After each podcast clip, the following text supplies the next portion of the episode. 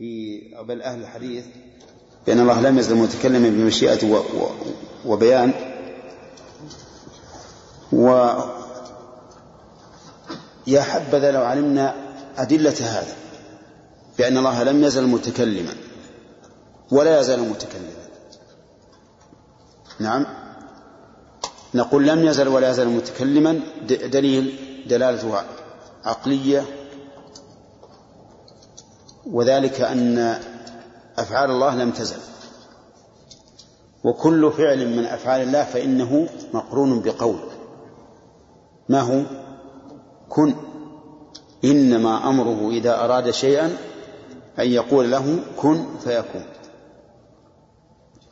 كذلك الكلام بمشيئة. الكلام بمشيئة.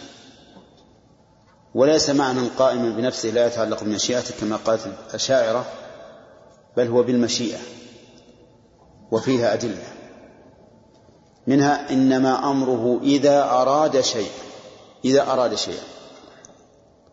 والمراد هل يكون بمشيئة ولا بغير مشيئة؟ بمشيئة. إذن الكلام المقترن بالمراد يكون كذلك بالمشيئة. وفيها أيضا أدلة واقعية.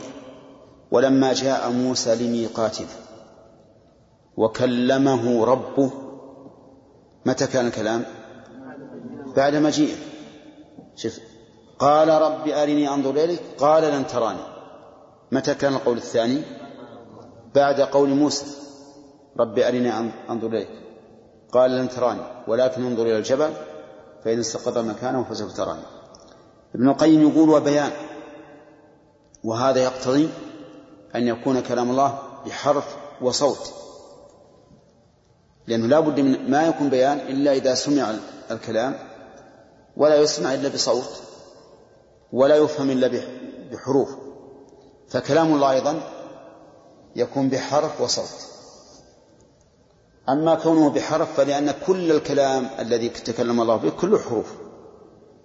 القرآن حروف. ولا لا؟ ومن قرأه فله بكل حرف منه. كل حرف منه عشر حسنات. أيضا لما قال الله تعالى لموسى لن تراني اللام والنون والتاء والراء والنون والياء. هذه إيش؟ حروف. طيب. بصوت ولا بغير صوت؟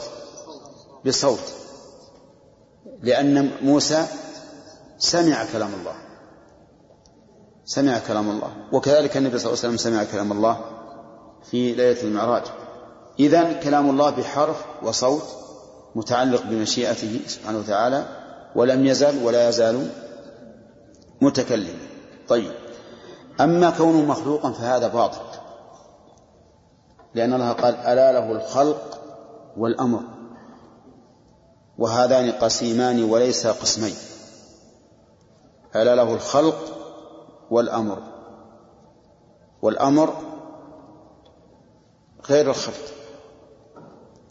ولا لا؟ لأن الأصل في العطف المغايرة. قال الله تعالى وكذلك أوحينا إليك روحا من أمرنا أي من وحينا. فدل هذا على أن القول ليس مخلوقا. هذا ما أحببت أن أبينه. عشان تعرفوا أن لأجل نعرف أن أهل السنة والجماعة بنوا اعتقادهم على على دليل. نعم. بسم الله الرحمن الرحيم.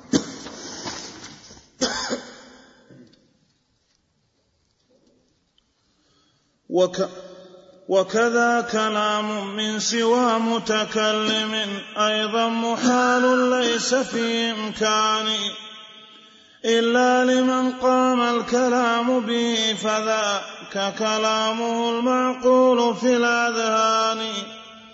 أيكون حيا سامعا أو مبصرا من غير ما؟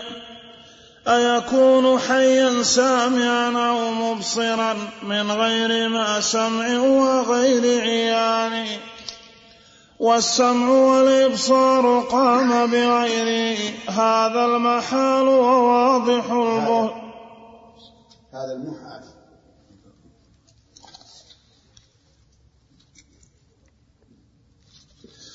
والسمع والإبصار قام بغيره هذا المحال وواضح البهتان. وكذا مريد وكذا مريد والإرادة لم تكن وصفا له هذا من الهذيان وكذا قدير ما له من قدرة قامت به من أوضح البطلان. والله جل جلاله المؤلف رحمه الله لما رد على مذهب الاقترانية ذكر رد على مذهب المعتزلة. فقال وكذا كلام من سوى متكلم أيضا محال ليس في إمكانه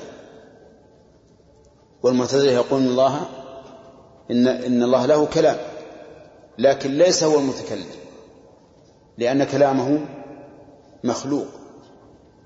مخلوق إما في الشجرة وإما في الهواء وإما في جبريل وإما في محمد. فكيف يصح أن نقول هو متكلم والكلام ليس وصفا له؟ بل هو بائن منه. ولهذا قال ليس بالإمكان إلا لمن قام الكلام به. فمن قام الكلام به هو الذي يكون متكلما. فإن قال قائل ألستم تقولون إن السماوات والأرض والإنسان والشجر والحجر مخلوق؟ مخلوق وهو بائن عن الله عز وجل وليس من صفته. قلنا نعم نقول بذلك. لكن هذه أعيان قائمة بنفسها. والكلام هو عين قائم بنفسه أبدا. الكلام صفة لا يمكن أن يكون قائما بنفسه. فإذا وصف الله نفسه بأنه متكلم علمنا أن الكلام وصف. إذا وصف أنه إذا وصف نفسه بأنه خالق فقد يلبس هؤلاء ويقول خالق يعني مخلوق يعني به المخلوق وليس الخلق صفة له. لكن نقول في الرد عليهم إن المخلوقات أعيان قائمة بنفسها بخلاف إيش؟ بخلاف الكلام. فلا يمكن أن يوصف الله بأنه متكلم ويعنى به أن هناك كلاما مخلوقا خلقه الله. وإلا للزم أن يكون كلامي وكلامك وكلام فلان وفلان إيش؟ كلاما لله. ولهذا صار قول الجهمية والمعتزلة بأن كلام الله مخلوق صار سلما سهل الصعود للقائلين بوحدة الوجود.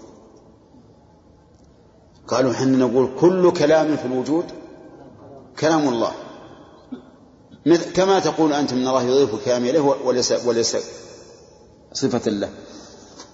ثم انتقل من الكلام إلى أصل المذهب وذلك أن المعتزلة يثبتون لله الأسماء ولا يثبتون ما دلت عليه من الصفات. يثبتون لله الأسماء ولا يثبتون ما دلت عليه من الصفات. استمعوا يا جماعة للعجب العجاب. يقولون إن الله سميع ولا سمع له. بصير ولا بصر له. قدير ولا قدرة له. مريد ولا إرادة له. معقول هذا؟ سؤال آدم هذا كلام طيب. يقول أيكون حيا سامعا أو مبصرا من غير ما سمع وغير عيان؟ يكون هذا ولا لا؟ لا يكون. وكذا مريد والإرادة لم تكن وصفا له. هذا من الهذيان. الآن ما شاء الله شهد لك ابن القيم. نعم. يقول هذا من الهذيان. كيف كيف يقول نقول مريد والإرادة لم تكن وصفا له. وكذا قدير ما له من قدرة قامت به من أوضح البطلان.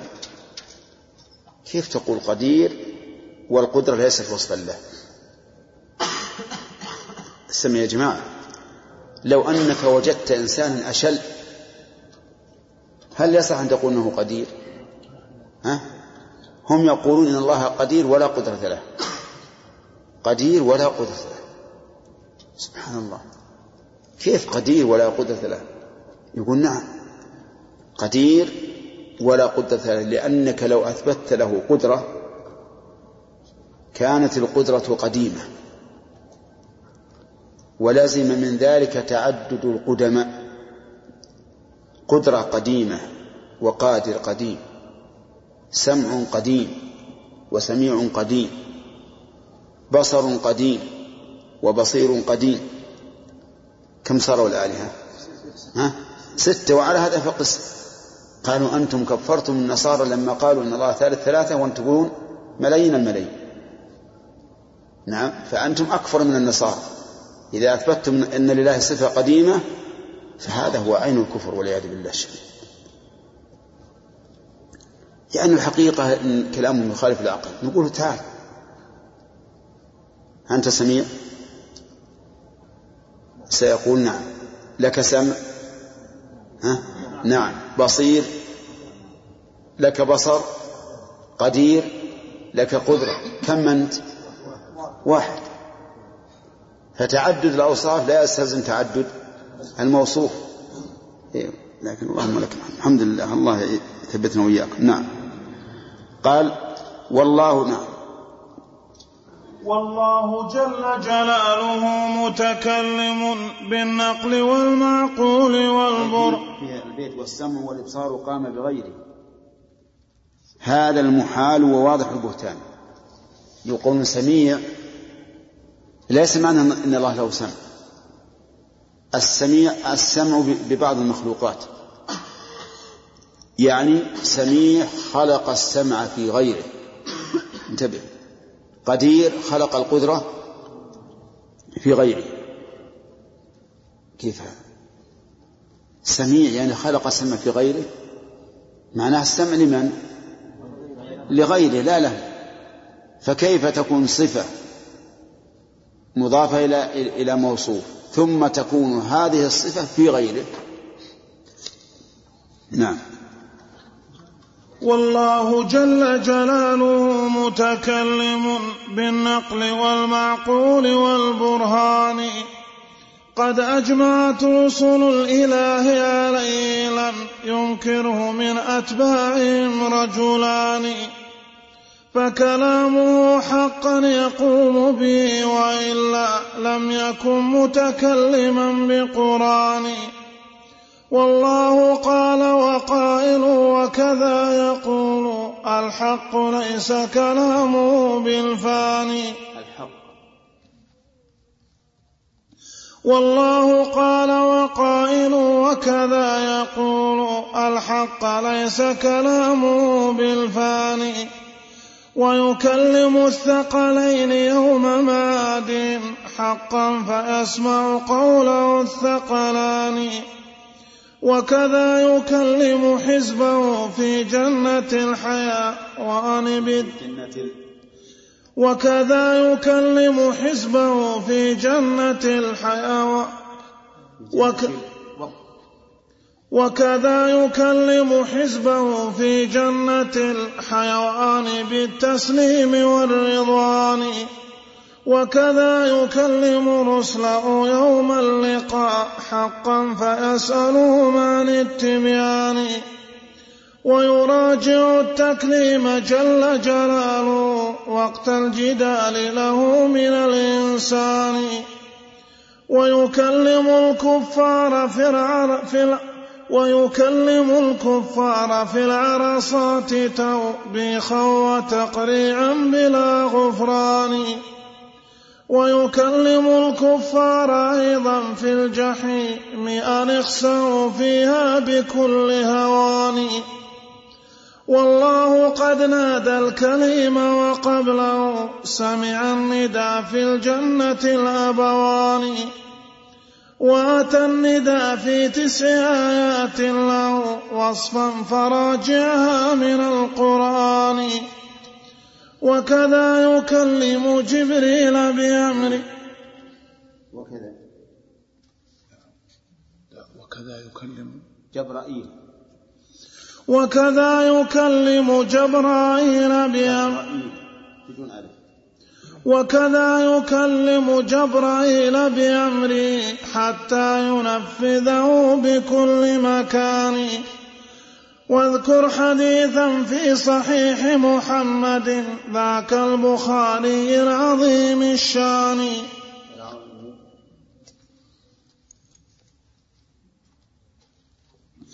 واذكر حديثا في صحيح محمد ذاك البخاري العظيم الشان.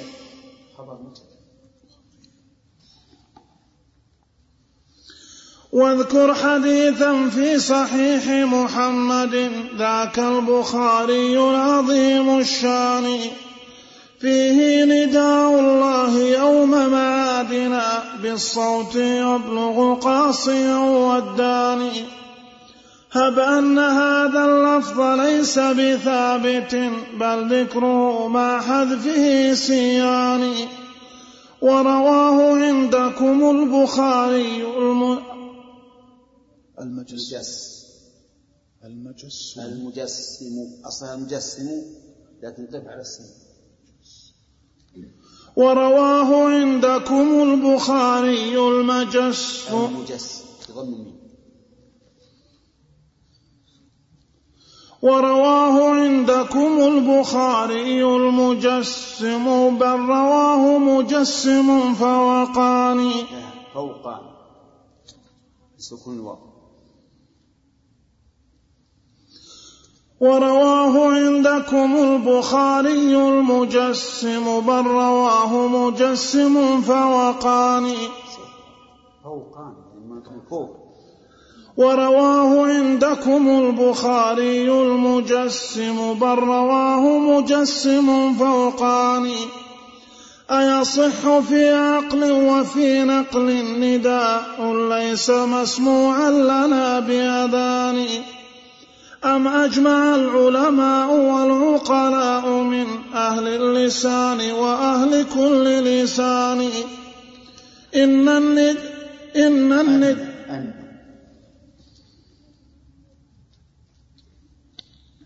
أن الندى الصوت الرفيع وضده فهو النجاء كلاهما صوتان. والله موصوف بذاك حقيقة. هذا الحديث ومحكم القرآن. واذكر حديثا لابن مسعود صريحا أنه ذو أحرف ببيان. الحرف منه في الحرف منه في الجزاء عشر من الحسنات ما فيهن من نقصان. لا الحرف وانظر إلى السور التي افتتحت بأحرفها ترى سرا عظيم الشان. لم يأت قط بسورة إلا أتى في إثرها خبر عن القرآن. إذ كان إخبارا به عنها وفي هذا الشفاء لطالب الإيمان. ويدل أن كلامه هو نفسها لا غيرها والحق ذو تبيان. وانظر إلى مبدأ الكتاب وبعدها الأعراف ثم كذا إلى لقمان. مع تلوها أيضا ومع حميم مع ياسين وافهم مقتضى القرآن.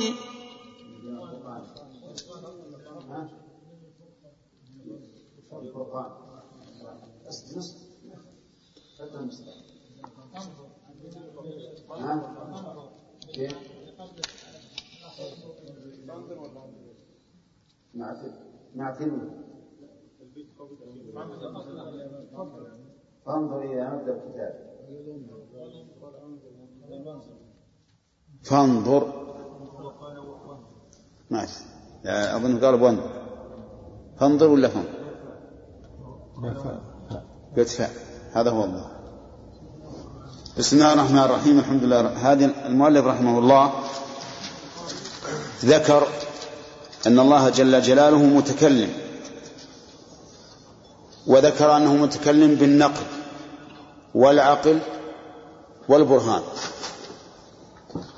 النقل والعقل كلاهما دليل والبرهان وصف للدليل. البرهان وصف للدليل. ويعنى بالبرهان ما برهن على الشيء وأثبته بدون احتمال. فكلما كان الدليل صريحا واضحا واضح الدلالة سمي برهانا. ثم ذكر أن الرسل أجمعوا على أن الله متكلم وأنه لم ينكره من أتباعهم رجلان.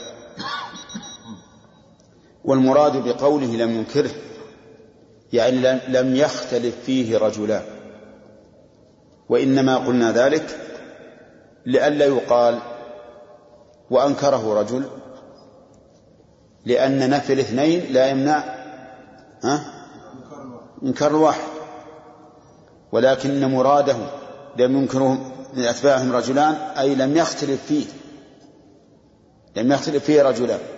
كل أتباع الرسل مجمعون على الله متكلم. ثم ذكر المؤلف رحمه الله قال فكلامه حقا يقوم به وإلا لم يكن متكلما بقرآن. يعني لولا أن كلامه متعلق به عز وجل وقائم به ما صح أن القرآن أن نقول إن القرآن كلامه ولا لا؟ لو لو كان كلامه غير قائم به ما صح أن نقول إن القرآن كلامه لأن الذين يقولون إن كلامه غير قائم به يجعلون كلامه إما جبريل أو محمد أو الهوى فلا يجعلون الكلام كلام الله.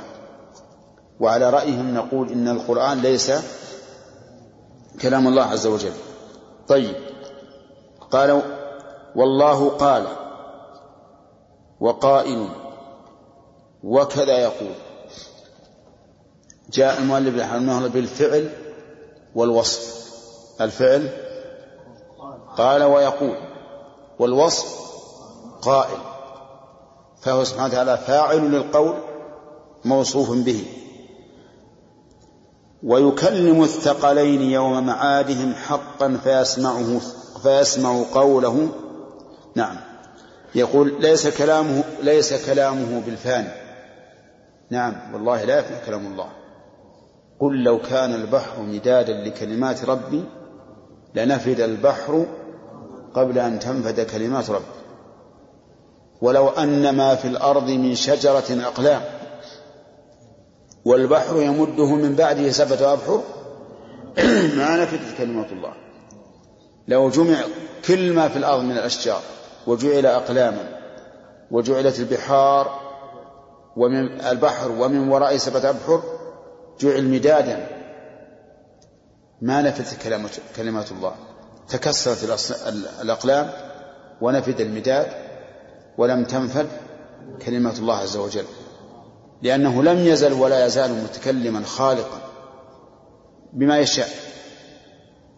قال ويكلم الثقلين وهما الإنس والجن يوم معادهم حقا فيسمع قوله الثقلان وكذا يكلم كل هذه وردت في أحاديث.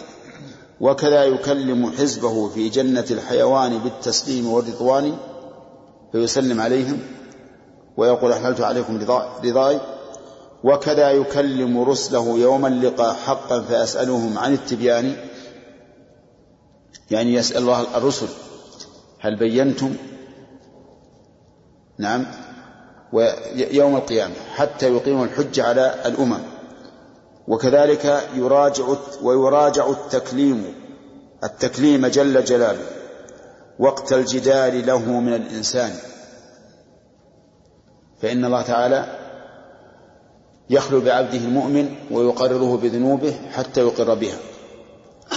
ويكلم الكفار في العرصات توبيخا وتقريعا بلا غفران.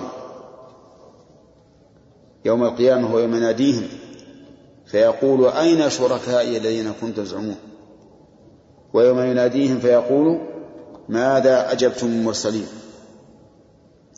ويكلم الكفار أيضا في الجحيم أن اخسوا فيها بكل هوان. قال اخسوا فيها ولا تكلمون. والله قد نادى الكليم وقبله سمع الندى في الجنة الأبوان.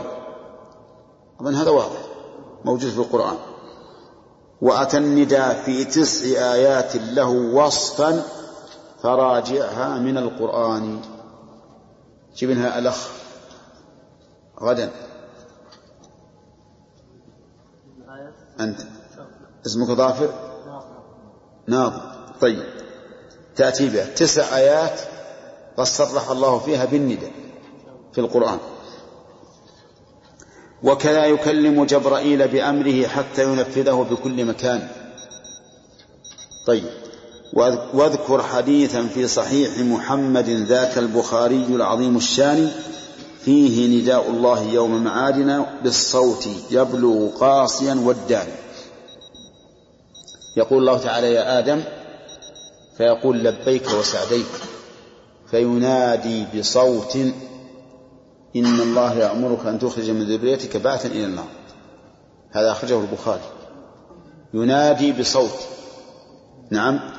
إن الله يأمرك أن تخرج من ذريتك بعثا إلى النار. قال هب أن هذا اللفظ ليس بثابت. وش يعني؟ كلمة بصوت. لأن الذين يقولون إن الكلام هو المعنى القائم بالنفس ما يقولونه بصوت.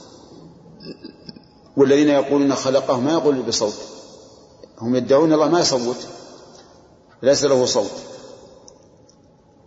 يقول هب أن هذا اللفظ ليس بثابت. أي لفظ؟ بصوت. فنقول هب أنه ليس بثابت. بل ذكره مع هذا فيه سيان. يعني حتى وإن لم يثبت فالصوت معلوم من النداء. ورواه عندكم البخاري المجسم. بل رواه مجسم فوقاني وهو أعلى طبقات السند وهو الصحابي.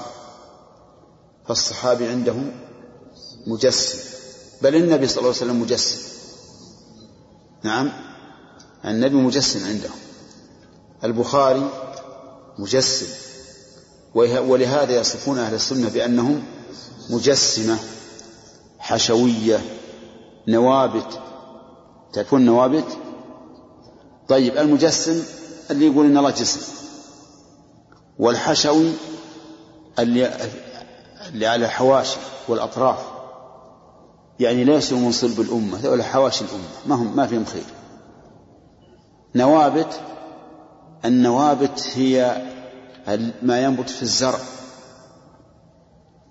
ما ينبت في الزرع من الشجيرات التي ترمى ولا وليس فيها خير. أو غثى يسمونهم الغثى. لكن هل يمنع هذا؟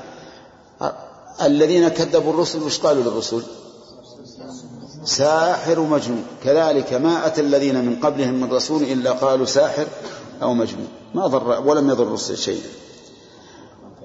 قالوا أيصح في عقل وفي نقل نداء نداء ليس مسموعا لنا بأذان؟ وش ما يصح.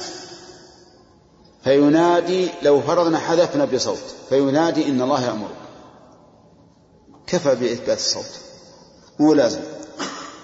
أم أجمع العلماء والعقلاء من أهل اللسان وأهل كل لسان أهل اللسان العربي يعني اللغة العربية وأهل كل لسان غير لغة العرب. حتى غير لغة العرب أن الندى الصوت الرفيع وضده فهو النجاء كلاهما صوتان. وقد وصف الله نفسه بذلك في آية واحدة. وناديناه من جانب الطور الأيمن هذا من البعد. وقربناه نجيا هذا من الدنو. قال والله موصوف بذاك حقيقة. هذا الحديث ومحكم القرآن. إذا ثبت أن الله يتكلم بماذا؟ بصوت.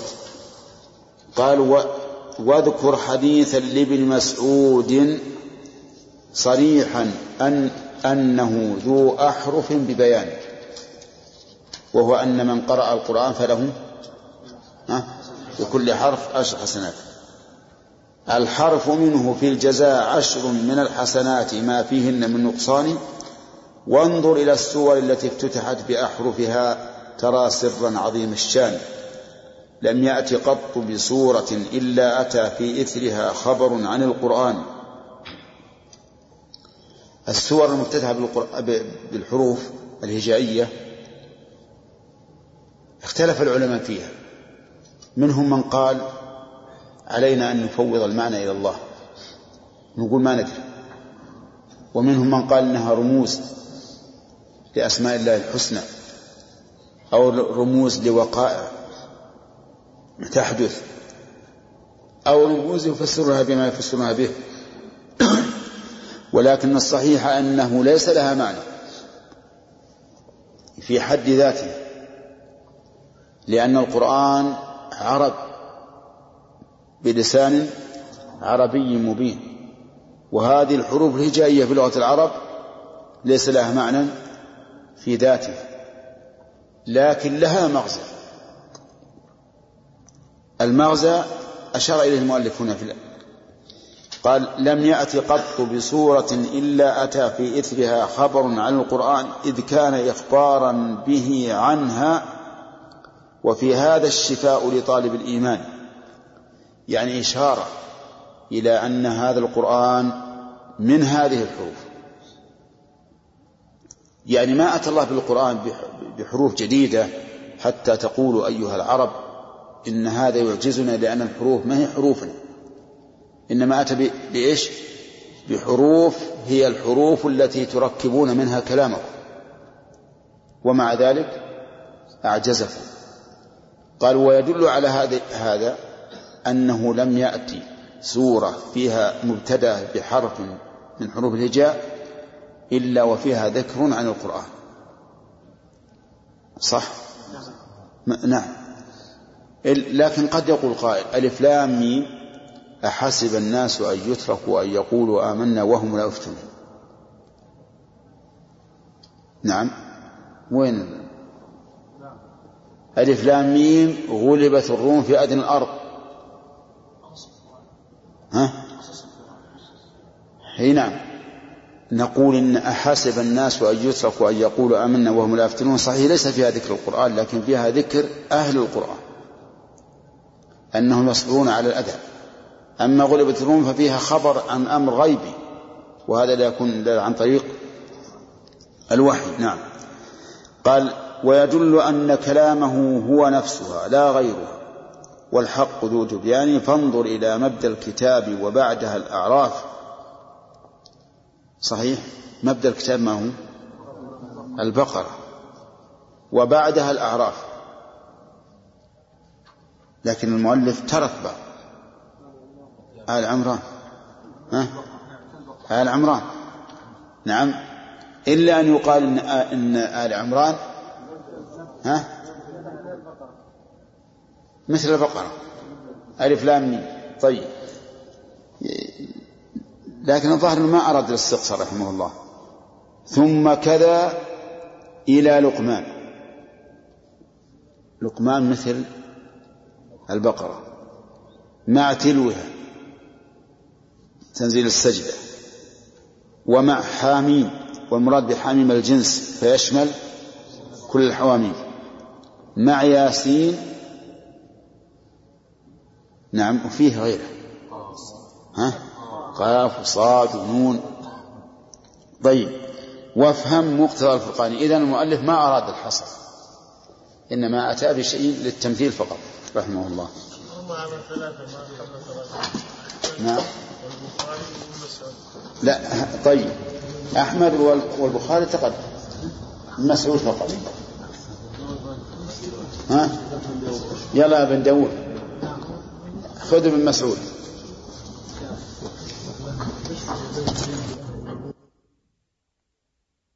الأعراف ثم كذا إلى لقمان. مع تلوها أيضا ومع حاميم مع ياسين وافهم مقتضى الفرقان. فصل في إلزامهم القول بنفي الرسالة إذا انتفت صفة الكلام. والله عز وجل موص آمر ناه منب مرسل لبيان ومخاطب ومحاسب ومنبئ ومحدث ومخبر بالشان ومكلم متكلم بل قائل ومحذر ومبشر بأمان. هاد يقول الحق يرشد خلقه بكلامه للحق والإيمان. فإذا انتفت صفة الكلام فكل هذا منتف متحقق البطلان.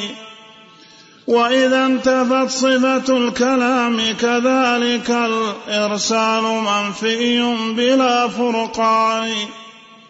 فرسالة المبعوث تبليغ كلام المرسل الداعي بلا نقصان. وحقيقة الإرسال نفس خطابي للمرسلين وأنه نوعان.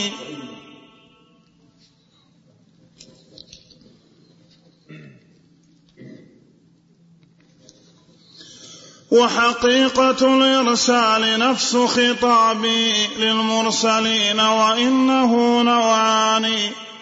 نوع بغير وساطة ككلام موسى وجبريل القريب الداني منه إليه من وراء حجابي إذ لا تراه ها هنا منه إليه من وراء حجابي إذ لا تراه ها هنا العينان. والآخر التكليم منه بالوساطة وهو أيضا عنده ضربان. وحي وإرسال إليه وذاك في الشورى أتى في أحسن التبيان. بسم الله الرحمن الرحيم. هذا الفصل عقده المؤلف ليبين أنه إذا انتفت صفة الكلام عن الله عز وجل انتفت صفة الرسالة. ووجه ذلك أن الله آمر ناهي مرسل مخاطب محاسب منبئ محدث مكلم قائل محذر مبشر كل هذه من صفات الله عز وجل. وهل يمكن هذه وهل تمكن هذه الأشياء إلا بكلام؟ لا تمكن إلا بكلام. الرسالة لا تمكن إلا بكلام. لأن الرسالة تبليغ كلام المرسل. فالرسول يبلغ كلام المرسل. وإذا كان يبلغ كلام المرسل ثم قلنا لا كلام معناه فلا رسالة. فصار انتفاء الكلام ليس بالأمر الهين. إذا نفينا الكلام عن الله انتفت الرسالة وانتفى الأمر والنهي والإخبار والإنذار والإنباء والتبشير والتنذير وغير ذلك. والإنذار وغير ذلك. آه، طيب. ثم ذكر المؤلف رحمه الله أن إرسال الرسل أن إرسال الله الرسل ينقسم إلى قسمين. أو تكلم الله للرسل ينقسم إلى قسمين. قسم بلا واسطة وقسم بواسطة. والقسم الذي بواسطة ينقسم إلى قسمين أيضا. بواسطة الرسول نعم. القسم الذي بواسطة بواسطة الرسول. والذي بغير بغير الواسطة ينقسم إلى وحي وإلى مخاطبة. استمع إلى كلامه يقول نوع بغير وساطة ككلامه موسى وجبريل القريب الداني. منه إليه من وراء حجابه إذ لا تراه ها هنا العينان. والآخر التكليم منه بالوساطة وهو أيضا عنده ضربان وحي وإرسال إليه وذاك في الشورى بأحسن التبيان. وما كان لبشر أن يكلمه الله إلا وحيا أو من وراء حجاب أو يرسل رسولا فيوحى بإذنه ما يشاء. الوحي أن يكلمه الله تعالى بلا واسطة مثل ما حصل لموسى ومحمد صلى الله عليه وسلم ليلة المعراج.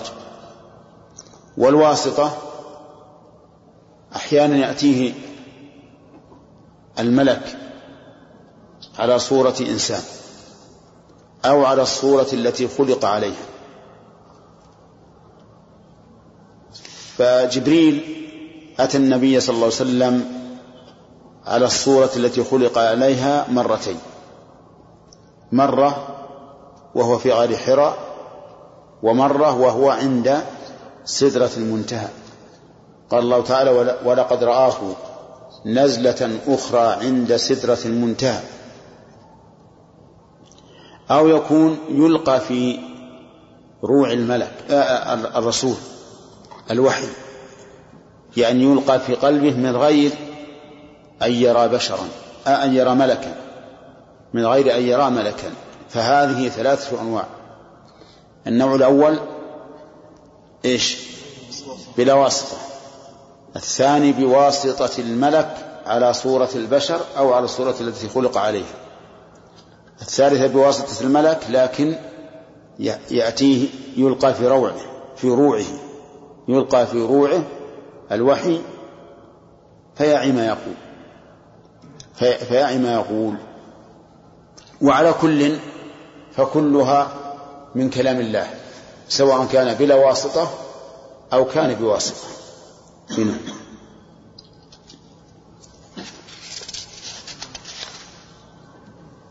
مشي فصل في إلزامهم التشبيه للرب بالجماد الناقص إذا انتفت صفة الكلام.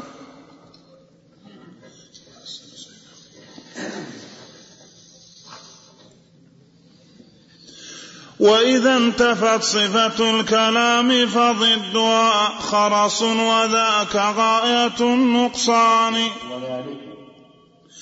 وإذا انتفت صفة الكلام فضدها خرص وذلك غاية النقصان.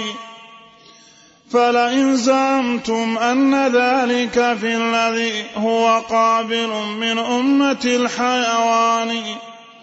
والرب ليس بقابل صفة الكلام فنفيها ما فيه من نقصان.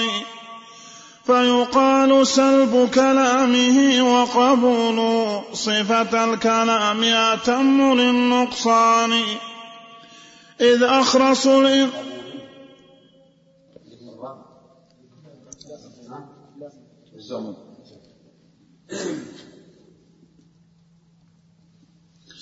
فيقال سلب كلامه وقبول صفة الكلام أتم للنقصان.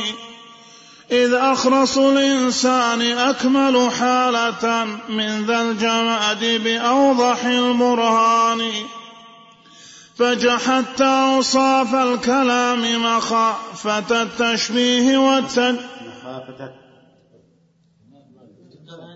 أوصاف الكمال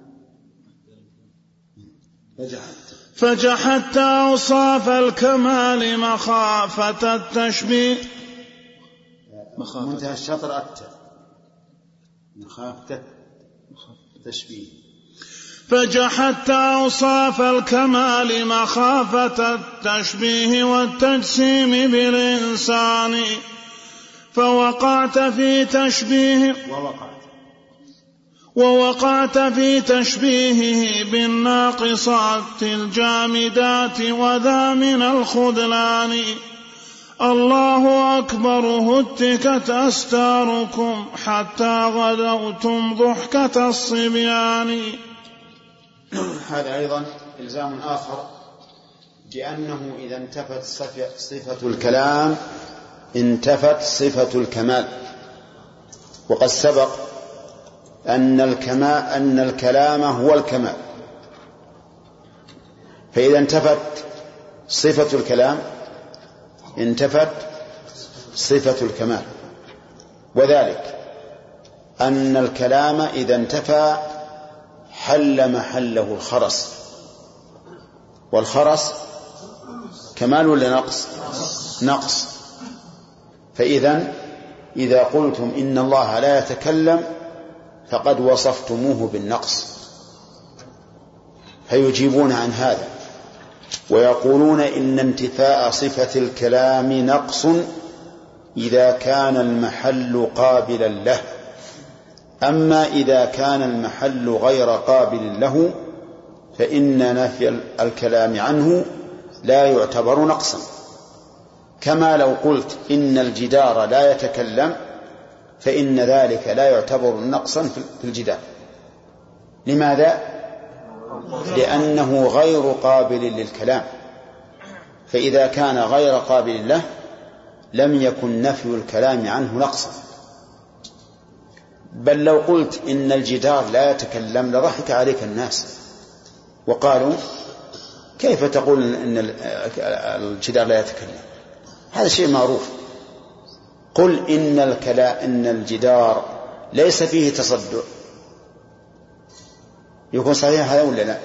صحيح. أما تجي لما تقول يا جماعة أنا أحدثكم بأمر كنا تفضل. الجدار لا يتكلم. والله يفتح عليك. من قال ان الجدار يتكلم الجدار من الأصل لا يتكلم. هم يقولون إنك إذا قلت إن الله لا يتكلم ما في هذا عيب. ولا نقص على الله. لماذا؟ لأن لأن الله لا يقبل الاتصاف الكلام. فنفي صفة الكلام عنه كنفي صفة الكلام عن الجدار. سبحان الله يعني جعلوا قبول الجدار للكلام وقبول الله للكلام على حد سواء.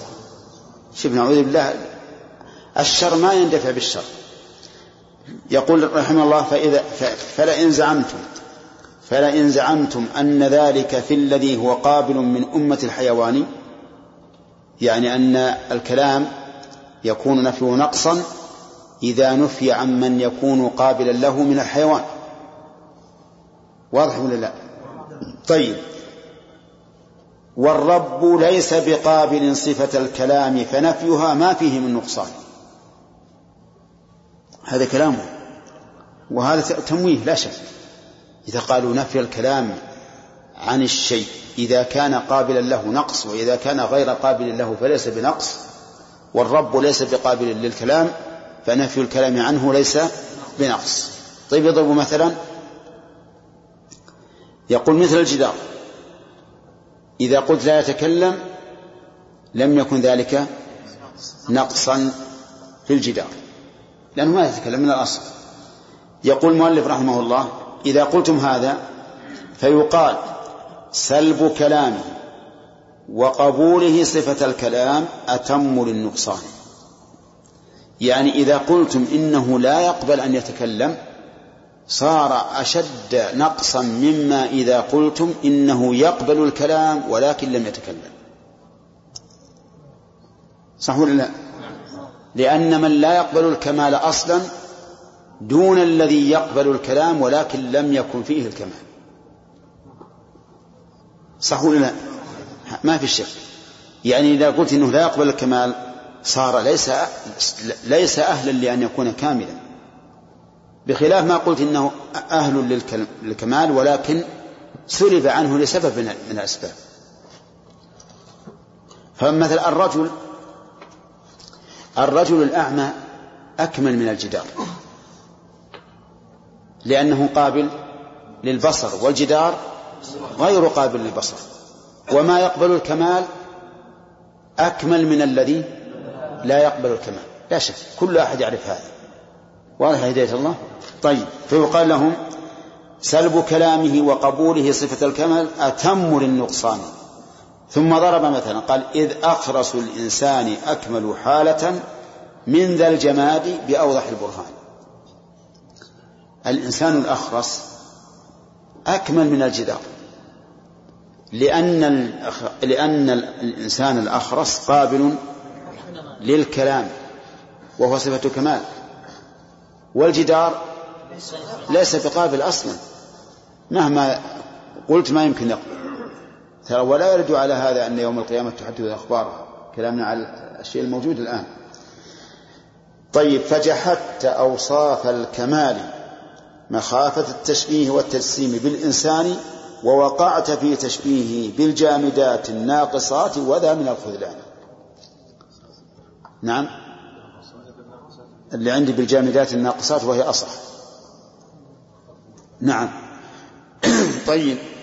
يقول أنت الآن نفيت صفة الكلام مخافة أن تشبهه بالإنسان. وقعت بإيش؟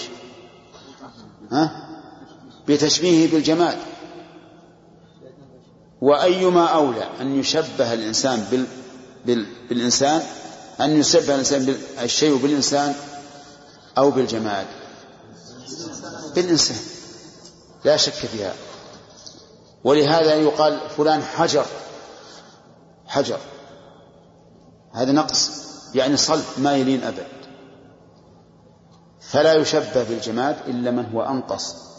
ممن يشبه بالإنسان. فأنتم الآن يقول الله أكبر. هتكت أستاركم حتى غدوت حتى غدوتم ضحكة الصبيان. صحيح. هتك الله أستارهم حتى صاروا ضحكة للناس. وعلى هذا فنقول إذا انتفت صفة الكلام عن الله انتفت صفة الكمال. لأن عدم الكلام إيش؟ نقص فإذا قال عدم الكلام نقص لمن يقبل الكلام وأما من لا يقبل الكلام فليس انتفاء الكلام عنه نقصا عرفتم الآن؟ قلنا إذا قلتم إن الله ليس بقابل للكلام صار أشد نقصا مما إذا قلتم إنه قابل للكلام لأن من يقبل صفة الكمال أعلى حالا ممن لا يقبل صفة الكمال. وحينئذ فررتم من تشبيهه بالإنسان ووقعتم في تشبيهه بالجمال. فصار ما فررتم ما وقعتم فيه أعظم تنقيصا لله مما فررتم منه. نعم.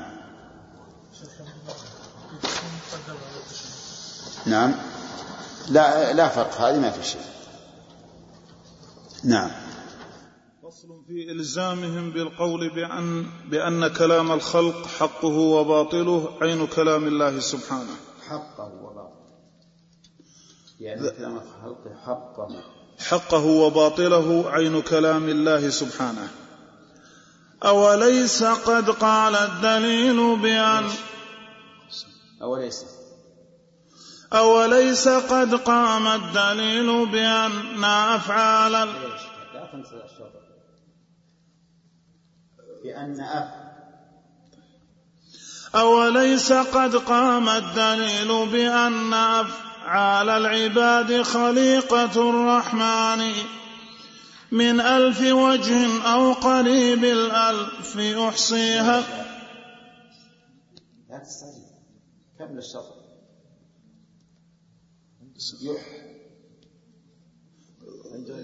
لا يصير. حطنا الشطر الألف. هنا عندي ميب أنا ما أنا نعم.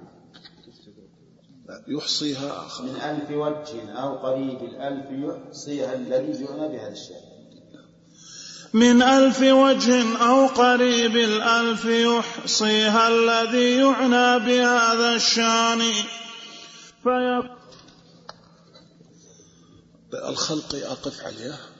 شف من آه، فيكون كل كلام هذا الخلق طيب. هذا الخلق فيكون كل كلام هذا من كلامه اليوم فيكون كل كلام هذا الخلق عين كلامه سبحان ذي السلطان.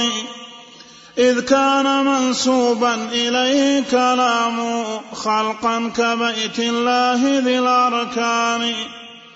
هذا ولازم قولكم قد قاله ذو الأت- ذو الاتحاد مصرح هذا ولازم قولكم قد قاله ذو الاتحاد. ذو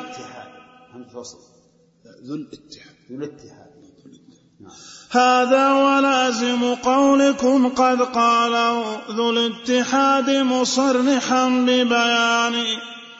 حذر التناقض إذ تناقضتم ولكن طردوه في غاية الكفران.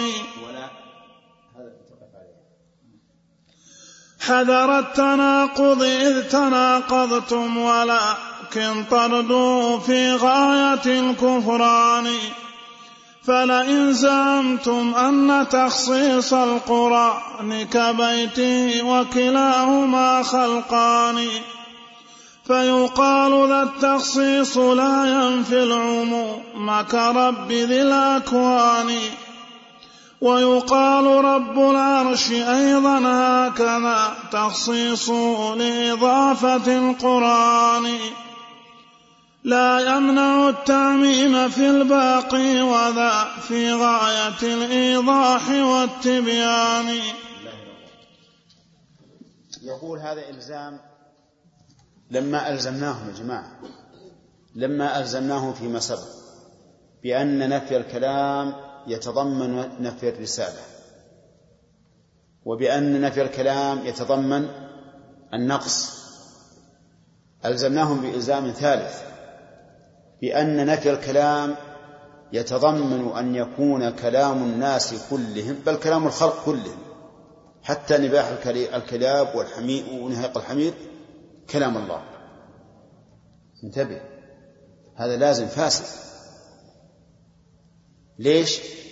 لأنهم إذا قالوا إن كلامه مخلوق. نقول وكلام المخلوقات مخلوق. وإذا كان الكلام المخلوق يضاف إلى الله لزم أن يكون كلام المخلوقات إيش؟ كلام الله. لازم أن يكون كلام المخلوقات كلام كلام الله. لأنكم أنتم تقولون يضاف الكلام إلى الله وإن كان مخلوقا له. واضح؟ إذن كلام البشر وكلام الطير كلام الحميد كلام الكلاب كله كلام الله على زعمه. ليش؟ لأنه مخلوق لله. الاتحادي اللي يقول باتحاد الخلق الخالق والمخلوق قال نعم. وكل كلام في الوجود كلامه سواء علينا نثره ونظامه. التزم الاتحاد فصار أطرد قاعدة منه. ليش؟ لأنه طرد قوله لم يتناقض. قال كل ما خلق الله من الكلام فهو كلامه. وهم تناقضوا. فجعلوا الكلام الذي أضافه الله إليه كلامه وكلام الناس ليس كلامه كلام الناس ليس كلامه. ما أدري واضح ولا ها؟ واضح محمد؟ طيب. نقول يلزمكم إذا قلتم بأن الله لا يتكلم وأن الكلام مخلوق يلزمكم أن تقولوا بأن كلام جميع الناس مخلوق. كلام لله. بأن كلام الناس كلام لله. لأنه مخلوق. وإضافة كلامه إليه لا يمنع أن يكون غيره مخلوقا. كما أضاف إليه البيت وهو خلقه ولا يمنع أن تكون البيوت الأخرى مخلوقة له. وكما أضاف إليه الناقة ولا يمنع أن تكون النوق الأخرى مخلوقة له. كذلك أيضا أضاف الكلام إليه وهو مخلوق له فكلام الناس مخلوق له فعلى زعمكم يكون كلام الناس كلام الله لأنه مخلوق. فإذا قلتم إن الكلام وإن كان مخلوقا فهو كلامه لزمكم أن تقولوا إن كلام المخلوقات كلام الله. واضح التلازم ها؟ لا بيجيب المؤلف عنه المهم الآن نقول لهم إذا قلتم بأن الله لا يتكلم وأن كلامه مخلوق قلنا يلزمكم أن تقولوا بأن كلام الناس مخلوق كلام الله. لأنه مخلوق حيث جعلتم ما خلق الله من الكلام كلاما له. فيلزمكم على هذا أن تكون كلام المخلوقات إيش؟ كلاما لله. لأنها مخلوقة أي فرق بين الكلام الذي هو كلام الله وأنتم تقولون مخلوق وبين الكلام الآخر؟ كلها مخلوقة فإذا كانت الإضافة عندكم لأنه مخلوق فهذا يشمل جميع الكلام. حتى كلام الخلق. ولهذا أهل الوحدة والاتحاد اللي قالوا إن وحدة الوجود قالوا نعم. كلام الوراء كلام للخالق. كلام للخالق. وقالوا في البيت المشهور وكل كلام في الوجود كلامه سواء علينا نثره ونظامه. ولنستمع الآن إلى كلام المؤلف قال أوليس قد قام الدليل بأن أفعال العباد خليقة الرحمن؟ الجواب بلى. دليل واحد. قال المؤلف من ألف وجه أو قريب الألف يحصيها الذي يعنى بهذا الشأن. لو ندور ما لقينا ولا خمسين. نعم. لكن المؤلف يقول من ألف وجه أو قريب الألف. خلى تسعمائة تسعمائة دليل تدل على أن أفعال العباد مخلوقة لله عز وجل. عرفتم؟ من يحصيها؟ الذي يعنى بهذا الشان. يعتني به ويلتمس الأدلة. النقلية والعقلية من الكتاب والسنة والعقل والحس يحصيها. فيكون يعني على على هذا يكون كل كلام هذا الخلق عين كلامه. ليش كان عين كلامه؟ لأنه مخلوق له. فأنتم تقولون كلام الله مخلوق له فجعلتم الكلام المخلوق عين كلام الخالق. نقول لهم وكلام البشر مخلوق فعلى على رأيكم يكون عين كلام الخالق. قال سبحان ذي السلطان. إذ كان منسوبا إليه كلامه يعني كلام الخلق خلقا. إذ كان منسوبا إليه كلامه خلقا. ويجوز أن يكون كلامه أي كلام الله. يعني إذا كان كلام الله منسوبا إليه لأنه خلقه فليكن كلام البشر منسوبا إلى الله لأنه خلقه. صح ولا لا؟ فهم يقولون نسب إلى الله لأنه خلقه وإضافته إليه كإضافة ناقة الله وبيت الله إلى الله. نقول إذا كان منسوبا إليه لأنه خلقه فقولوا أيضا بأن كلام الناس كلام الله. منسوب إليه لأنه خلقه. يلزمهم هذا. ما دام ما داموا يجعلون القاعدة كل كلام خلقه الله فهو ينسب إليه فليكن كلام الخلق منسوبا إلى من؟ إلى الله. إذ كان منسوبا إليه كلامه خلقا لأنه يقول كلام مخلوق كبيت الله ذي الأركان. يعني بيت الله أضافه الله إليه خلقا. خلقا ولا لا؟ خلقا. لكنه أضافه للتشريف. لما أضاف الله البيت إليه خلقا هل منع أن يكون غير بيت الله خلقا له؟ هو خلق المساجد الأخرى. خلق الجبال خلق الأنهار. فلما أضاف الله الخلق إلى البيت لم يكن نعم لما أضاف الله البيت إلى نفسه خلقا لم يكن هذا مانعا بأن ينسب إليه المخلوقات أيضا. فالكل مخلوقات الله. كلها مخلوقات الله. هذا الجبل خلق الله.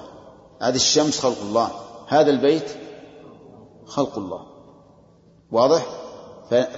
فلما نسب إلى الله خلقا لم يمنع أن ينسب إليه الآخر. قال وهذا هذا ولازم قولكم. قد قاله ذو الاتحاد مصرحا ببيان. قاله حذر التناقض إذ تناقضتم. الاتحاد من هو؟ الذي قال بوحدة الوجود وقال إن كلام الخلق هو كلام الخالق. لأن الله خلق فهو كلامه يقول ابن القيم إن الاتحاد التزم بهذا وطرده. وأنتم تناقضتم. فقلتم كلام البشر لا ينسب إلى الله وإن كان خالقه. والكلام المخلوق الذي نسب إلى الله ينسب إلى الله. نعم. هذا تناقض ولا لا؟ لأنكم إذا جعلتم نسبته إلى الله أو وجه نسبته إلى الله أنه خلقه لزمكم أن تنسبوا كلام الخلق إلى الله لأن الله خلقه ولا فرق. طيب. يقول إن, إن الاتحاد طرده لكن طرده في غاية الكفران. ما في شك. نحن نكفره وأنتم تكفرون.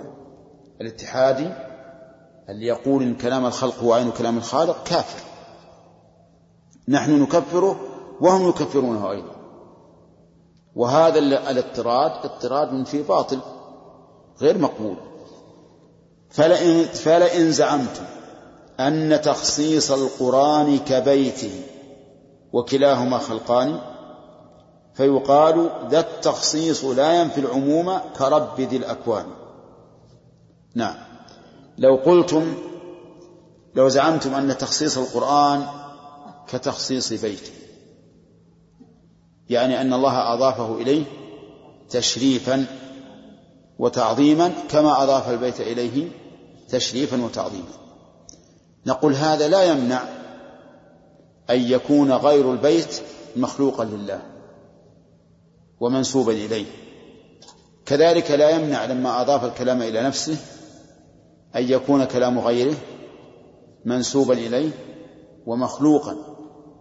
فالحقيقة أن الكلام باعتبار ما أضيف إلى الله وما, وما أضيف إلى البشر كالبيت باعتبار إضافته إلى الله وكغيره من الأكوان. فتخصيص البيت بأنه بيت الله وهو الذي خلقه لا يمنع أن يكون خلق غيره أيضا. وينسب إلى الله غير البيت خلقا ولا ما ينسب؟ ينسب إلى الله خلقا. قال خلق السماوات. ويقول السماوات خلقه ويقال أيضا رب العرش. أيضا هكذا تخصيصه لإضافة القرآن لا يمنع التعميم في الباقي. الله أضاف الربوبية إلى العرش فقال رب العرش العظيم. هل إضافته الربوبية للعرش يقتضي أنها خاصة بالعرش؟ أو هي عامة؟ ولهذا قال لا يمنع التعميم في الباقي وذا في غاية الإيضاح والتبيان. فكذلك إذا أضاف الله الكلام الذي زعمتم أنه مخلوق إلى نفسه لا يمنع أن يكون غيره من الكلام منسوبا إلى الله أيضا لأنه خلقه فالتخصيص لا يمنع التعميم. هذا خلاصة كلام ابن القيم. فصار الآن هذا الفصل خلاصته أنه يلزم على قولهم إن كلام الله مخلوق. إيش؟ أن يكون كل كلام في الوجود كلاما لله منسوبا إليه. لأن العلة في نسبة كلام الله إليه ما هو؟ أنه مخلوق له. فنقول هذه العلة ثابتة في كلام الناس. فإن كلام الناس مخلوق لله فيلزمكم على هذا أن يكون كلام الناس كلاما لله. كما قلتم في الكلام المخلوق أنه منسوب إلى الله نقول أيضا هذا كلام مخلوق فينسب إلى الله. عرفتم لا؟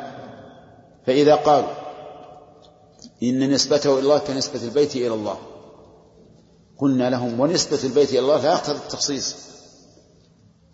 فإن الله تعالى أضاف البيت إليه على سبيل التشريف وأما على سبيل الخلق فإن غير البيت أيضا داخل في في كونه مخلوقا لله كرب العرش. هل نقول إن الله لما أضاف ربوبيته العرش اقتضى ذلك أن لا يكون ربا لغيره؟ لا ما نقول هذا.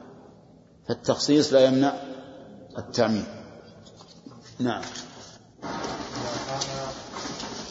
قال هم يقولون ليس ونحن نقول بذلك يعني إذا كان ليس متكلما ينتفي رسالة صح. انتفاء الرسالة طيب كيف ذلك؟ لأن كل رسول إذا أرسله الله تعالى لأجل إبلاغ كلامه وإذا كان ليس متكلما كيف يبلغ كلامه؟ نعم. أحسنت. وكل رسول بوحي. وكل رسول بالوحي كلام تمام بارك الله نعم الثاني نعم يلزم منه أن يقال كل كلام الخلق كلام الله لأن الله خلقه لأن الله خلق.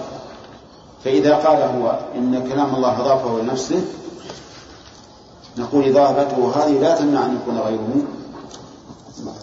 من كلامه. لأن الكل مخلوق نسب إليها على صفة الخلق كما أضاف ربوبيته لمكة. إنما أمرت أن أعبد رب هذه البلدة الذي حرم حرمها وله كل شيء. نعم. صفة الكلام والكمال الكلام صفة الكمال لازم الكمال صح. أنه إذا انتفت صفة الكمال والكلام كمال. لازم من ذلك أن يتصف بالنقص وهو الخرس فإذا قال إنما يلزم ذلك فيما كان قابلا الرحمن نقول الآن أنتم وصفتموه بشيء آه، أشد في النقصان. آه، يعني إذا جعلتموه غير قابل للكلام وهو كمال نعم. فقد وصفتموه بوصف أبلغ من وصف الخرس أشد نقصا من وصفه الخرس بالخرس. لأن آه، الأخرس أفضل من من الجدار الأصفهاني نعم. لأن الأخرس في الأصل قابل للكلام. الذي هو الكمال بخلاف الجدار الذي لا يقبل ذلك فهو أنقص من من الأخرس. واضح؟ إذا هؤلاء فروا من شيء ووقعوا في شيء شر منه. وهكذا كل مبتدع. كل مبتدع. بل كل مبتدع على سبيل العموم. فإنه يفر من شيء ويقع في شيء شر منه. طيب.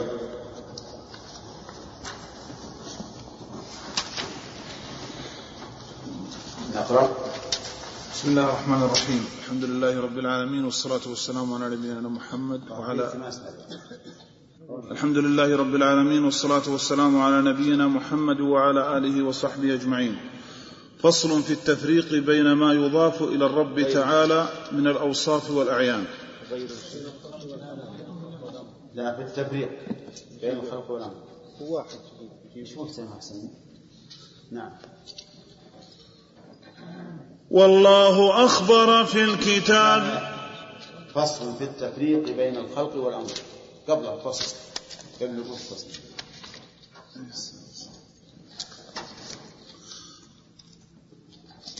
فصل في التفريق بين الخلق والأمر. ولقد أتى الفرقان بين الخلق والأمر الصريح وذاك في الفرقان. وكلاهما عند المنازع واحد والكل خلق ما هنا شيئان. والعطف عندهم كعطف الفرد من نوع عليه وذاك في القرآن. فيقال هذا ذو امتناع ظاهر في آية التفريق ذو تبيان. فالله بعد الخلق أخبر أنها قد سخرت بالأمر للجريان وأبان عن تسخيرها سبحانه بالأمر بعد الخلق بالتبيان. والأمر إما مصدر أو كان مفعولا هما في ذاك مستويان. مأموره هو قابل بالأمر كالمصنوع قابل صنعة الرحمن. فإذا انتفى الأمر انتفى المأمور كالمخلوق أنفى الانتفى الحدثان. وانظر إلى نظم السياق تجد به سرا عجيبا واضح البرهان. ذكر الخصوص وبعده متقدما والوصف والتعميم في ذا الثاني. فأتى بنوع خلقه وبأمره فعلا ووصفا موجزا ببيان. فتدبر القرآن إن رمت الهدى فالعلم تحت تدبر القرآن. هذا الفصل عقده المؤلف رحمه الله للتفريق بين الخلق والأمر والجهمية والمعتزلة الذين يقولون إن كلام الله مخلوق لا يفرقون بين الخلق والأمر مع أن الله فرق بينهم. فقال عز وجل ألا له الخلق والأمر. والأمر هو القرآن. بل هو الوحي كما قال تعالى وكذلك أوحينا إليك روحا من أمرنا. ففرق الله بين الخلق والأمر. فالخلق هو الصنع والأمر هو طلب أو نعم هو طلب الفعل على وجه الاستعلاء فبينهما فرق فرق عظيم. والفرق بين الأمر والخلق يظهر به أيضا الفرق بين المأمور وبين المخلوق. يقول المؤلف ولقد أتى الفرقان بين الخلق والأمر الصريح. الفرقان هنا بمعنى التفريق. أتى بالأمر الصريح وذاك في الفرقان. المراد بالفرقان الثانية القرآن. وكلاهما عند المنازع واحد. من المراد بالمنازع؟ الذي يقول إن كلام الله مخلوق. فالأمر والخلق عنده سواء. والكل خلق. يعني الكل مخلوق. ما هنا شيئان. وأهل السنة والجماعة يقولون هنا شيئان. خلق وأمر. فالأمر هو الوحي وهو صفته والخلق هو مخلوقه وهو فعله. قال والعطف والعطف عندهم كعطف الفرد من نوع عليه. العطف عندهم عند من؟ عند المنازعين. كعطف الفرد من النوع على النوع. فقولك كعطف الفرد من نوع عليه الضمير يعود على النوع. وذاك في القرآن. يعني عطف الفرد على النوع موجود في القرآن. فيكون الفرد غير خارج عن النوع. مثال ذلك قوله تعالى تنزل الملائكة والروح فيها. تنزل الملائكة والروح فيها. الروح من الملائكة. ليس ليس باين ليس مباينا لهم.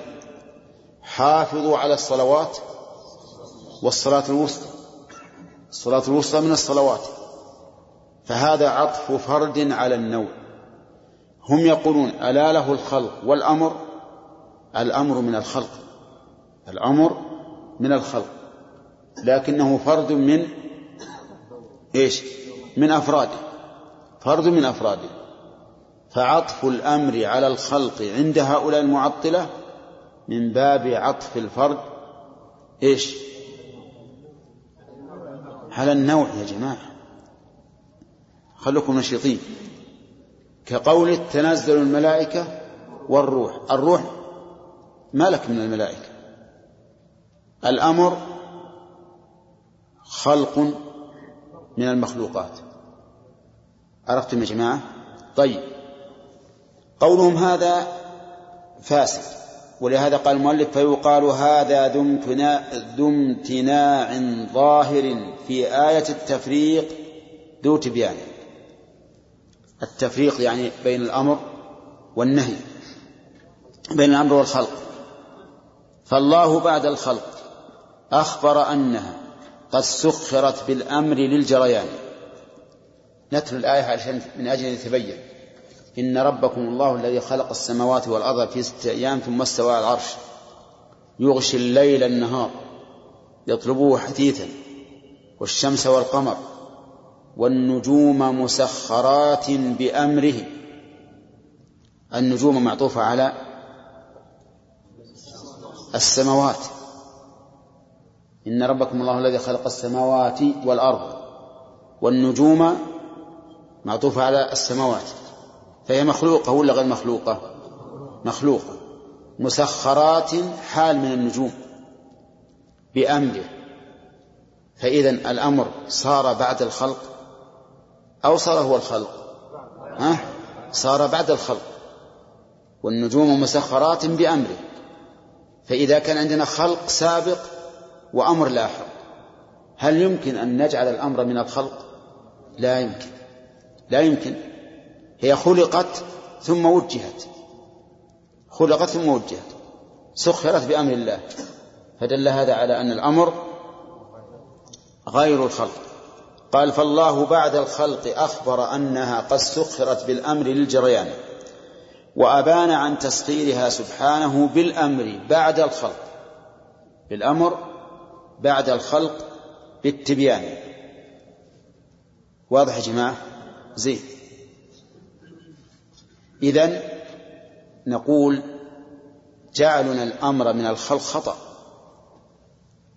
لوقوعه بعده. لوقوعه بعده. فهي قد خلقت وانتهت. ثم أمرت أمرا جديدا بالتسخير. سخرت بأمر الله. ثانيا من الرد عليهم. أن نقول إن الأصل في العطف إيش؟ المغايرة بالذات والنوع والجنس هذا الأصل. ولا يمكن أن نجعل العطف من باب عطف الفرد على النوع أو الخاص على العام إلا بوجود إلا بوجود دليل. طيب. قال المؤلف والأمر إما مصدر أو كان مفعولا هما في ذاك مستويان. ألا له الخلق والأمر. الأمر هنا هل هي مصدر أو اسم مفعول؟ يقول ابن القيم اجعلها مصدرا أو اجعلها اسم مفعول. كلاهما يدل على أن الأمر ليس هو الخلق. وجه ذلك أنك إذا جعلت الأمر مصدرا الأمر مصدرا وهو واحد الأمور أو واحد الأوامر واحد الأوامر. إذا جعلته مصدرا وهو الأظهر أنه مصدر فإنه يدل على أن هذا الأمر حصل بالقول. يعني خلق ثم أمر. وإن جعلت الأمر بمعنى اسم المفعول والمصدر يأتي بمعنى اسم المفعول فإنه ما من مأمور إلا وقد وجه عليه. إيش؟ أمر. فمن لازم وجود المأمور وجود الأمر. كذا؟ فإذا عاد التأويل الثاني وهو أن تجعل الأمر اسم مفعول إلى المعنى الأول وهو إثبات الأمر لله عز وجل. والأمر كما تقرر عندنا الآن هو الخلق ولا غيره؟ غير الخلق. قال والأمر إما مصدر وهذا هو الأظهر أو كان مفعولا وهذا رأي المعطلة. يقول الأمر ما هو شيء يتصل به الخالق ووصفه بل الأمر بمعنى المأمور أي المخلوق. طيب هما في ذاك مستويان مأموره هو قابل للأمر. يعني ليس هناك مأمور إلا وقد صدر إليه الأمر فقبل الأمر. هو قابل للأمر كالمصنوع. هل يوجد مصنوع بدون صنعة؟ ها؟ إذن لا يوجد مأمور بدون بدون أمر. كالمصنوع قابل صنعة الرحمن. فإذا انتفى الأمر انتفى المأمور كالمخلوق ينفى لانتفى الحدثان. يقول إذا انتفى الأمر انتفى المأمور صح ولا لا؟ وإذا لم يوجد مأمور لم يوجد أمر. فهما متلازمان. فإذا انتفى الأمر فلا فلا فلا مأمور. يعني وإن وجد من يوجه إليه الأمر لكن إذا لم يأمره لم يكن هو مأمورا كما أنه أيضا إذا انتفى المأمور فلا أمر لأنه كيف أوجه الأمر إلى ما, إلى ما ليس بشيء؟ إذا عرفنا أن الأمر والمأمور متلازمان. ثم قال وانظر إلى نظم السياق تجد به سرا عجيبا واضح البرهان. نظم السياق يعني الآية التي التي ذكرتها. إن ربكم الله الذي خلق السماوات والأرض في ستة أيام ثم استوى على العرش يغشي الليل النهار يطلبه حثيثا والشمس والقمر والنجوم مسخرات بأمره. ما هو السر السر العجيب؟ قال ذكر الخصوص وبعده متقدما والوصف والتعميم في ذا الثاني. ذكر الخصوص إن ربكم الله الذي خلق السماوات والأرض. هذا خاص ولا عام؟ خاص. اجزموا. خاص. ولم يقل خلق كل شيء. خلق السماوات والأرض في ستة أيام ثم استوى على العرش. وسخر الشمس والقمر. يغشي الليل النهار؟ يطلبه حديثا والشمس والقمر. خاص أيضا. والنجوم مسخرات بأمره. يقول ذكر الخصوص وبعده يعني أيضا خصوص آخر متقدما والوصف والتعميم في ذا الثاني. ثم ذكر بعد ذلك الوصف والتعميم. ألا له الخلق ولم يقل خلق كذا. بخلاف الأول أتى بالفعل وخص المخلوق المفعول. وفي الثاني عم قال ألا له الخلق؟ إيش؟ والأمر. والأمر في, في أول الآية مقيد ولا, ولا عام؟ مقيد بإيش؟ بالنجوم. والنجوم مسخرات بأمره. ثم قال فأتى بنوعي خلقه وبأمره. ما هما النوعان؟ فعلا ووصفا. الفعل هو الخاص والوصف هو العام. خلق السماوات والأرض هذا فعل. ألا له الخلق؟ ها؟ وصف. والنجوم مسخرات بأمره هذا أمر متعلق بفعل خاص. ألا له الخلق والأمر؟ هذا وصف. وصف عام. فأتى بنوع خلقه وبأمره فعلا ووصفا موجزا ببيانه. موجزا ويجوز موجزا وكلاهما صحيح. قال فتدبر القرآن. تدبر القرآن إن رمت الهدى. رمت قصدت. فالعلم تحت تدبر القرآن. رحمه الله. يعني إن كنت تريد الهدى فتدبر القرآن. ولا تتسرع. ولا تتعجل. ولا تغفل. وأكثر الناس اليوم يقرؤون القرآن إما للأجر بتلاوته وإما للتبرك بها ولكن أكثرهم لا يقرؤونه تدبرا ولهذا حرموا فائدته. وإلا في القرآن عظيم كنوز عظيمة لأنها من الله عز وجل ولا يحيط بها أحد إلا الله فهو كنز الكنوز في الواقع. لكن تدبر. لو أنك إذا مشيت من بيتك إلى المسجد أخذت آية من القرآن تدبرها وتأملها لحصلت خيرا كثيرا. ومع ذلك أيضا إذا فتح الله لك غررا من الآيات لا تعتمد على حفظك لها الآن. لأنك ربما تنساها. وكان الناس في الأول كل طالب علم معه مفكرة في في جيبه هي مفكرة ولا مذكرة؟ بالفاء ولا بالذال؟ تصلح لهذا وهذا؟ طيب يجعلها في جيبه ويتأمل القرآن مثلا. كلما فتح الله عليه شيئا قيدها بهذه المفكرة. فانتفع. لأن الإنسان في الحقيقة يكون له في وقت من الأوقات يفتح الله عليه معاني كثيرة من القرآن أو من السنة. بالتأمل والتدبر ثم يتكل على نفسه. يقول هذا ما ما نبني أبدا وإن نسيت في قريبه أتذكر وأرجع أو أسترجع ما عندي لكن سرعان ما ينسى. ولهذا لو أن الإنسان استعمل هذا الشيء لحصل خيرا كثيرا. وكان بعض أهل العلم في رمضان وهو وقت تلاوة القرآن يجعل معه دفترا خاصا. كلما قرأ شيئا واستوقفته آية من كتاب الله فيها معاني كثيرة أو ما أشبه ذلك قيدها بالدفتر. فلا يخرج رمضان إلا وقد حصل خيرا كثيرا من معاني القرآن الكريم.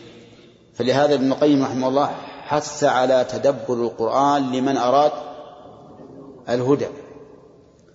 وشيخه رحمه الله قال في العقيدة الوسطية من تدبر القرآن طالبا الهدى منه تبين له طريق الحق.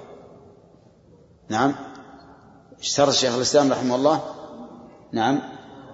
شيء شرطين التدبر وطلب الهدى. لأنه ربما تدبر ما قصدك الهدى بس يشوف إيش معاني القرآن فقط. ما تريد أن تهتدي به وتجعله نبراسا لك تسير عليه. فإذا تدبرته وأنت تريد الهدى منه. تريد أن تجعل القرآن نبراسا لك تسير عليه. تبين لك طريق الحق. ما يمكن يخفى عليك. أبدا. إنما يخفى علينا. إما من قصور علمنا أو تقصيرنا أو أننا لا نريد الافتاء به بمعنى أن نعلم الشيء ولا نعمل به. وهذه قاصمة الظهر. إذا علمنا الشيء ولم نعمل به مشكلة. الجاهل خير منا. لأننا إذا علمنا الشيء قامت علينا الحجة. ولكن نسأل الله أن يعيننا. كل يوم نتكلم بمثل هذا ولا ولا ننظر شيئا. لكن على الإنسان أن يتقي الله ما استطاع. قرأنا اليوم كم يا عبد الله؟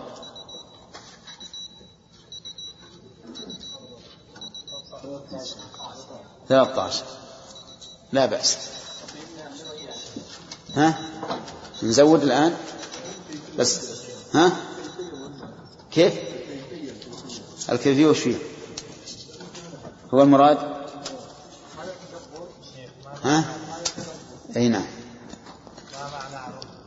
إيش؟ رمت قصدت. أي نعم. من رام يروم بلوغ المرام.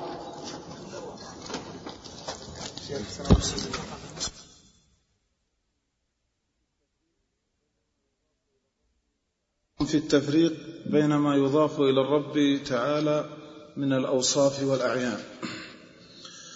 والله أخبر في الكتاب بأنه منه ومجرور بمن نوعان عين ووصف قائم بالعين فالاعيان خلق خالق الرحمن. والوصف بالمجرور قام لأنه أولى به في عرف كل لسان. ونظير ذا أيضا سواء ما يضاف إليه من صف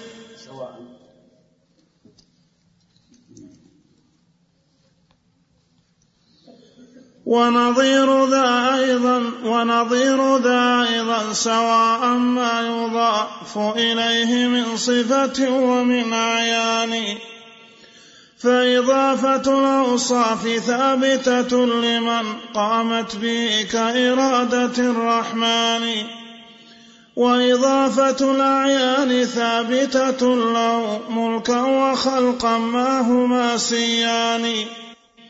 فانظر إلى بيت الإله وعلمي لما أضيفا كيف يفترقان. وكلامه كحياتي وكعلمي في ذي الإضافة إذ هما وصفان.